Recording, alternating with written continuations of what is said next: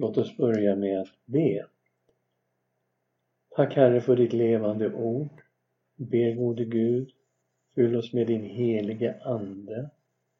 Och jag ber att du ska öppna ditt ord för oss, öppna våra hjärtan. Och ber om nåd att du ska tala till oss från ditt ord. I Jesu Kristi namn. Amen. Ja, vi har kommit fram en bit här nu i Jesajas bok. Vi är i det åttonde kapitlet. Och vi har kommit till en vers som är ganska komplicerad. Vi börjar i 8.11 och jag läser några verser här så får vi känna på texten. Så sa Herren till mig när hans starka hand var över mig och varnade mig för att vandra på detta folks väg och sa Kalla inte allt för sammansvärjning som detta folk kallar för sammansvärjning. Frukta inte vad det fruktar och bäva inte för det. Håll Herren Sebaot helig.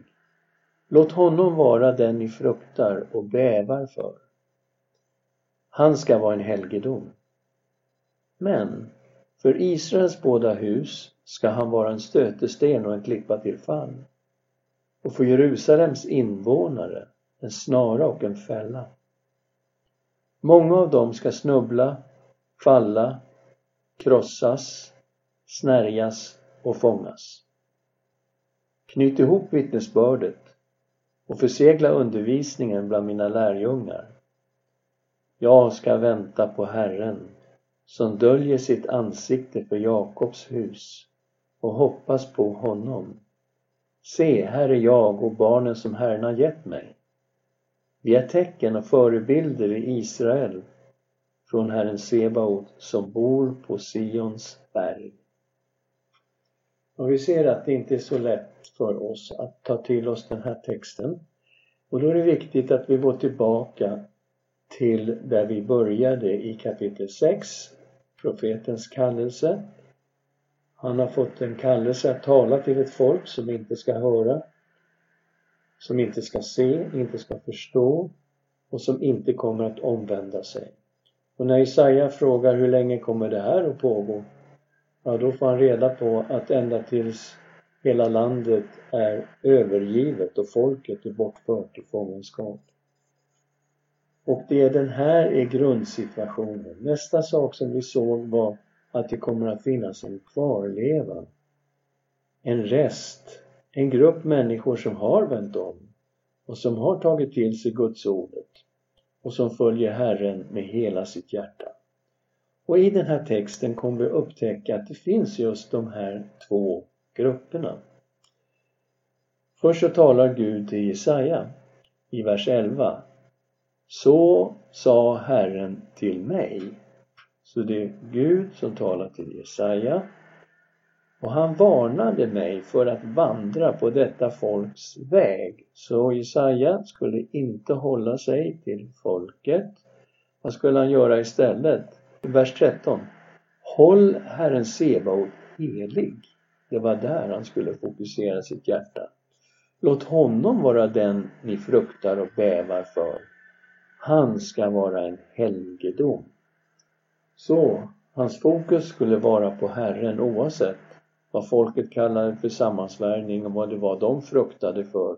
Och just i den här situationen så fruktade de ju väldigt mycket för en invasion från norr, från Aram och Israel som hotade eh, Juda med en invasion.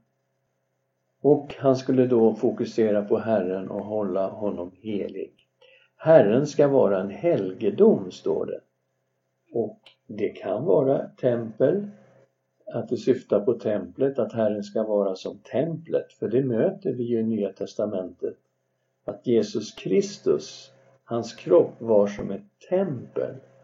Det så har vi i Johannes 1 och 14 där det, där det står att ordet blev kött, blev människa och tog sin boning ibland oss. Och vi såg hans härlighet, vi såg lika som en enfödd sons härlighet från sin fader och han var full av nåd och sanning.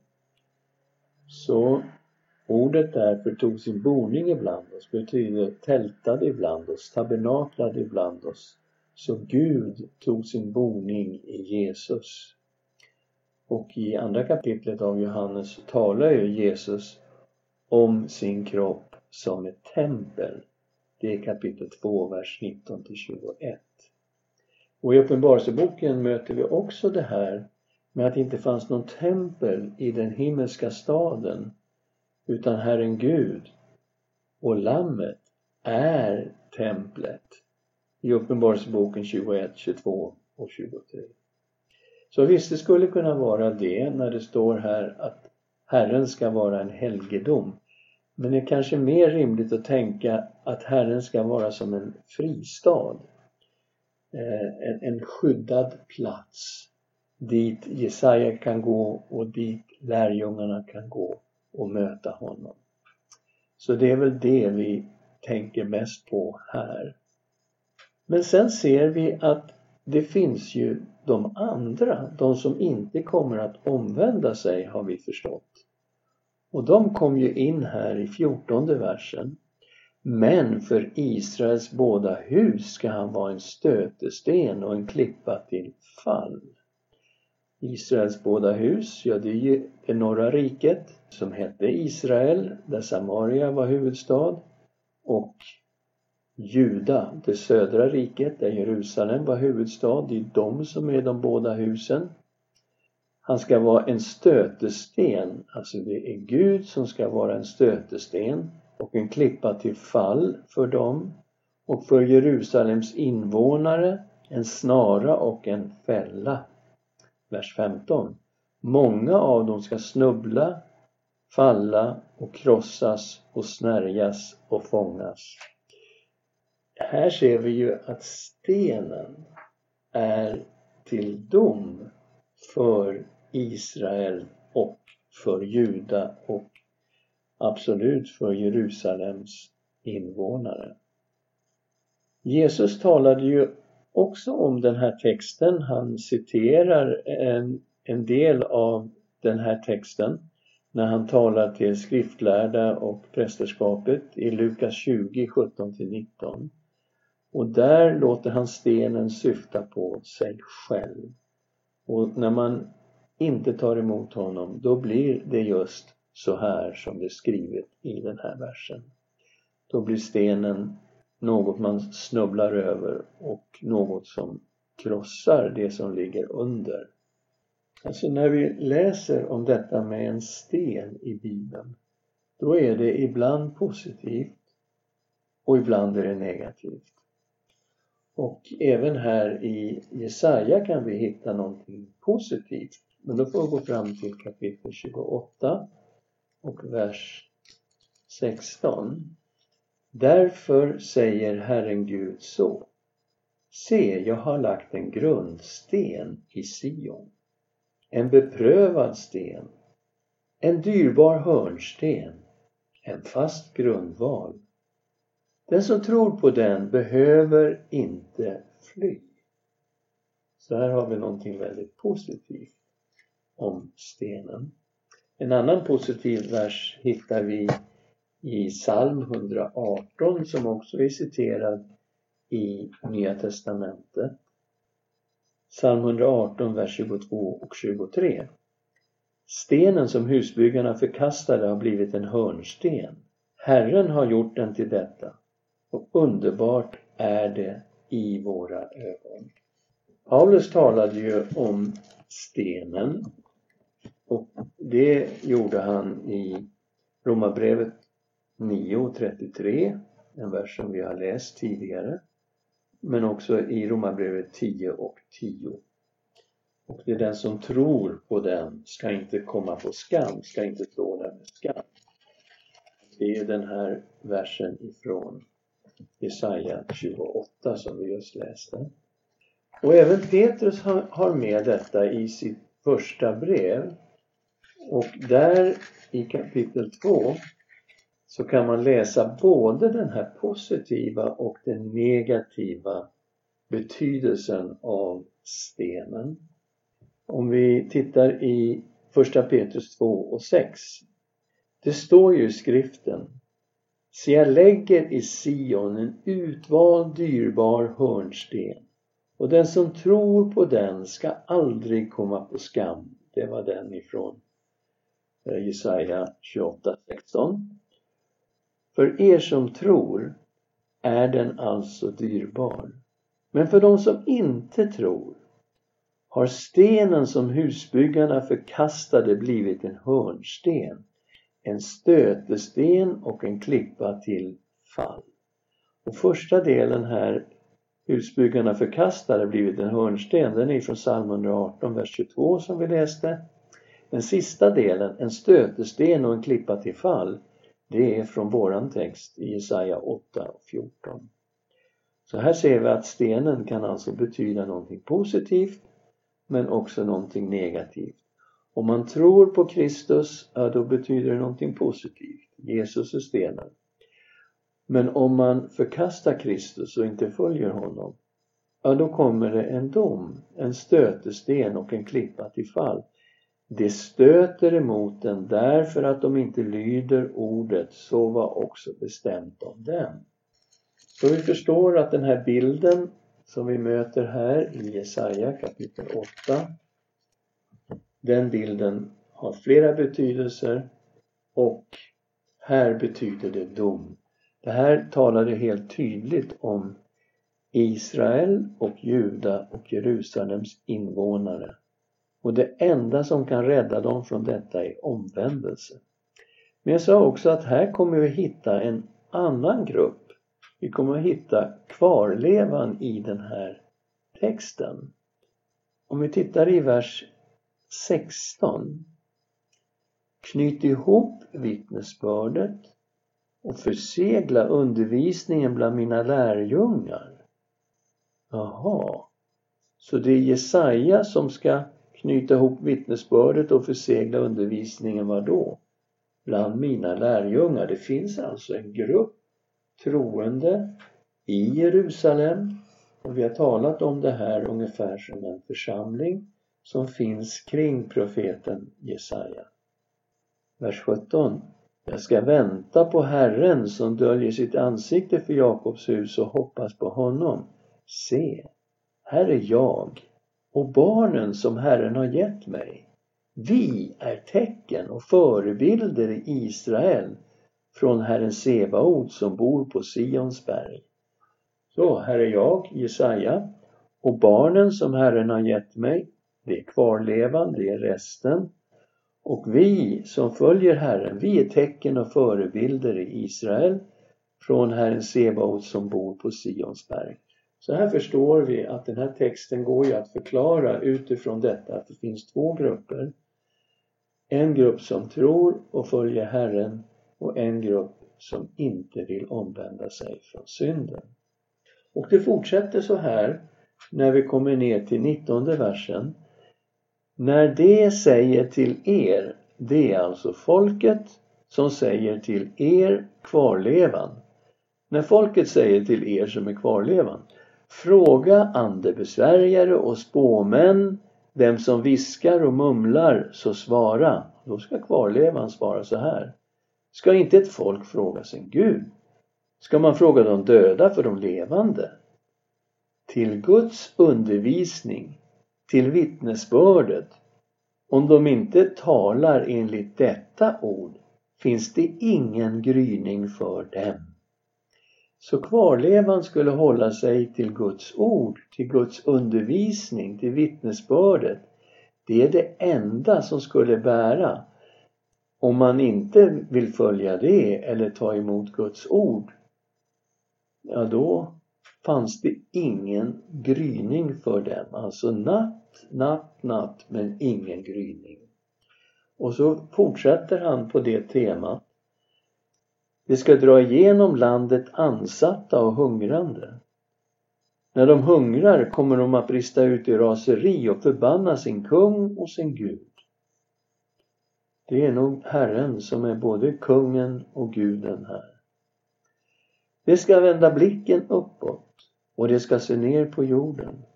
Men se där är bara nöd och mörker, natt och ångest de är utkastade i djupaste mörker. Alltså ingen gryning för den som inte omvänder sig och tror på Herren. Och då tänker man, jaha, då finns det väl inget hopp för dem och knappast för oss heller. Men då kommer vi alltså in i det nionde kapitlet som är ett av de starkaste messianska kapitlen i hela gamla testamentet. Visst, det är nattsvart mörker. Men vers 9 och 1 börjar så här. Men det ska inte vara nattsvart mörker där ångest nu råder. Oj då, det ska komma någonting nytt. Förr i tiden lät han Sebulons och Naftalis land vara föraktat. Men i kommande dagar ska han ge ära åt trakten längs havsvägen, landet på andra sidan Jordan, hednafolkens Galileen. Oj! Nu talar han om någonting som ska komma ifrån Sebelons och Naftalis land. Och det finns ingenting märkvärdigt som kommer från Sebulons och Naftalis land. Det ligger inte i Juda utan det ligger i norra delen av Israel, det norra riket. Och det är mycket oansenligt. Och där uppe ligger inga viktiga städer. Men därifrån ska någonting komma. Och där ligger Nasaret. Nasaret ligger här. Sebelons och Naftalis land. Det är också Kapernaum, Betsaida, Korazin. Det här är platserna i norra delen av den galileiska sjön där Jesus trädde fram och började sin verksamhet. Det här är det området. Det folk som vandrar i mörkret ska se ett stort ljus. Över dem som bor i dödsskuggans land ska ljuset stråla fram. Ja, det slutar i åttonde kapitlet med nattsvart djupaste mörker.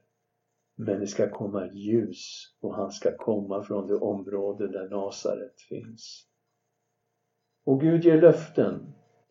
Du förökade folk som inte hade stor glädje. De ska glädjas inför dig som man gläds under skördetiden. Som man jublar när man delar byte. För du ska bryta sönder deras bördors ok och deras skuldrors käpp och deras plågares stav som på Midjans tid. Vad var det som hände på Midjans tid? Ja, det är det vi läser om i Domarboken kapitel 6 och 7 när det handlar om Gideon och midjaniterna som förpestade landet. Så fort de fick någon skörd så kom midjaniterna och tog hela skörden. Så folk svalt ju. Det var en fruktansvärd situation i Israel på den tiden. Men då reste Herren upp Gideon och genom honom kom en märklig makalös befrielse ifrån fienden. Ja, varje stövel buren i stridslarm och varje mantel vältrad i blod ska brännas upp och förtäras av eld. Så det som tidigare hörde till krig, det ska nu försvinna och det ska brännas upp. Istället kommer en befrielse och Gud ska skapa ett fredsrike. Vi har läst om det här fredsriket tidigare. När vi läste i andra kapitlet om vad Gud ska göra i Jerusalem i den yttersta tiden.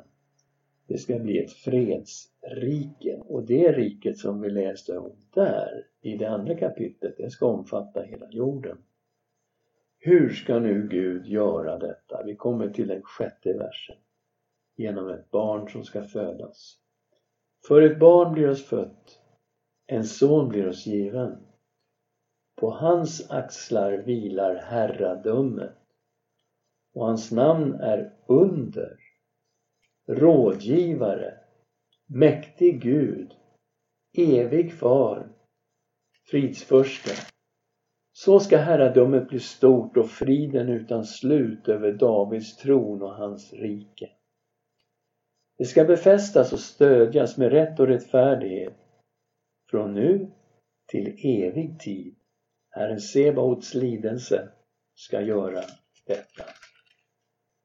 Hur skulle Gud göra det? Genom ett barn som skulle födas. Herradömet skulle vila på hans axlar. Vi förstår att det handlar om Guds rike.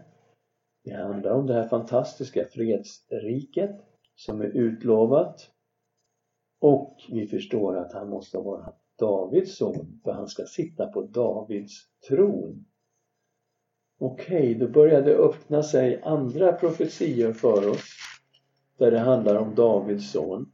Den urprofetia som vi går tillbaks till gång på gång, det är andra Samuelsboken kapitel 7 och vi möter här David som vill bygga ett tempel åt Herren. Men då sänder Gud profeten Natan till David och säger att ja, du ska inte få bygga något tempel åt mig men jag ska bygga ett hus åt dig. Och så kommer den fantastiska löften till David. Vi andra Samuelsboken 7 och vi börjar i andra delen av vers 11. Nu förkunnar Herren för dig att Herren ska bygga ett hus åt dig. När din tid är slut och du vilar hos dina fäder ska jag efter dig upphöja din avkomling som ska utgå ur ditt liv och jag ska befästa hans kungadöme. Han ska bygga ett hus åt mitt namn och jag ska befästa hans kungatron för evigt. Ja, eh, det blev Salomo, hans son, som fick bygga ett tempel i Jerusalem. Men nu börjar det säga saker som pekar framåt mot en annan person, Messias, som ska komma ur Davids släkt. Han ska bygga ett hus åt mitt namn och jag ska befästa hans kungatron för evigt. Jag ska vara hans far. Han ska vara min son. Gör han något orättfärdigt ska jag straffa honom med människors ris och med plågor som drabbar människors barn. Men min nåd ska inte vika ifrån honom så som jag lät den vika från Saul som jag lät vika för dig. Ditt hus och ditt kungadöme ska bestå inför mig till evig tid. Din tron ska vara befäst för evig tid. Oj! Så den här sonen som ska komma från David, han ska också vara Guds son. Och han ska regera i ett evigt rike. En tron som är befäst till evig tid. Och vi går tillbaks till Jesaja 9 och vi tittar nu på detta barn som ska födas. Vi tittar på namnen. När Gud på det här sättet ger namn till en person då säger de här namnen någonting om vem den här personen är. Han kommer alltså vara under rådgivare eller underbar i råd. Mäktig Gud. Okej, okay, det här är alltså inte bara en människa nu. Det här är någon annan. Det måste vara den som är Davids son och Guds son. Han är mäktig Gud. Han är evig far. Oj, oj, oj. Och fridsförste. Och det här herradömet ska bli stort. Ja, vi förstod det från andra kapitlet, ska bli jättestort.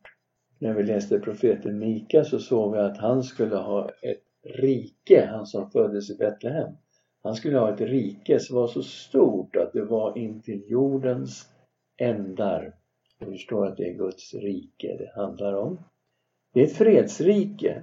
Herradömet ska bli stort och friden utan slut. Det är alltså ett rike utan krig. Ett fredsrike som ska skapas av den här sonen.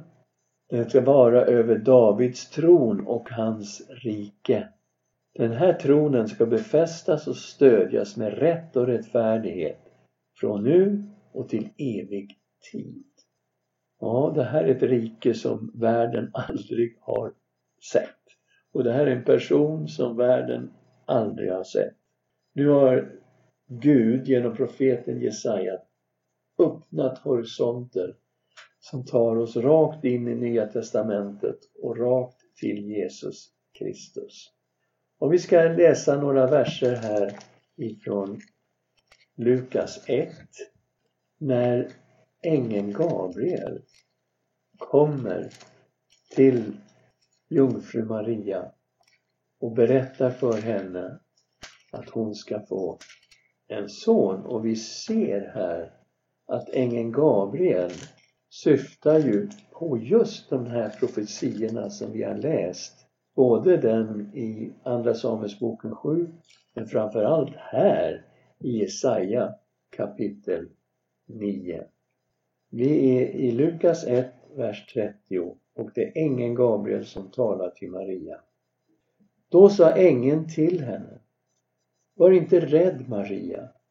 Du har funnit nåd hos Gud. Du ska bli havande och föda en son och du ska ge honom namnet Jesus. Det betyder Herren frälser, det vet vi. Han ska bli stor och kallas den Högstes son. Och Herren ska ge honom hans fader Davids tron. Han ska vara kung över Jakobs hus för evigt och hans rike ska aldrig ta slut. Okej, okay, det här är alltså den högstes son vi talar om. Han sitter på Davids tron. Det är en evig tron. Och han ska regera i ett fridsrike. Utan tvekan så är det här direkt kopplat till i Nya Testamentet Jesus undervisning om Herrens rike, om Guds rike. Och när Jesus kommer tillbaka så kommer det här riket också att sättas upp i all sin fullhet. Men vi som tror på Jesus, vi lever ju i detta rike idag. Och Jesus är vår kung. Och det här är ju helt fantastiskt, den här texten som vi nu har läst i Jesaja kapitel 9. Så visst, det fanns djupaste mörker, men det skulle komma ett ljus. Och det ljuset skulle komma ifrån Sebulons och Naftalis land. Helt fantastiskt. Ska vi be tillsammans. Tack Herre för ditt ord. Tack Herre för dessa profetior som vi har läst om idag. Som har gått i bokstavlig uppfyllelse i dig, Jesus Kristus. Vi har fått möta här att du är stenen. En grundsten, en hörnsten. Tack Herre för att den som tror på dig ska aldrig stå där med skam. Tack Herre att du också är ljuset som kom ut ur Sebulons och Naftalis område. Du kom från Nasaret. Och du började hela din verksamhet i just det här området. Och tack för den du är. Att du är den här sonen och herradömet vilar just på dina axlar.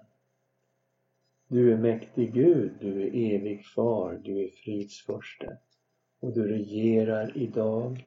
Du sitter på Faderns högra sida och du regerar, Herre Jesus. Vi läser att alla dina fiender är lagda under dina fötter dig till en fotapall. Vi tackar dig för att du, du sa själv, åt mig har getts all makt i himlen och på jorden. Tack att vi får hålla fast vid dig, vår älskade Herre Jesus Kristus. Amen.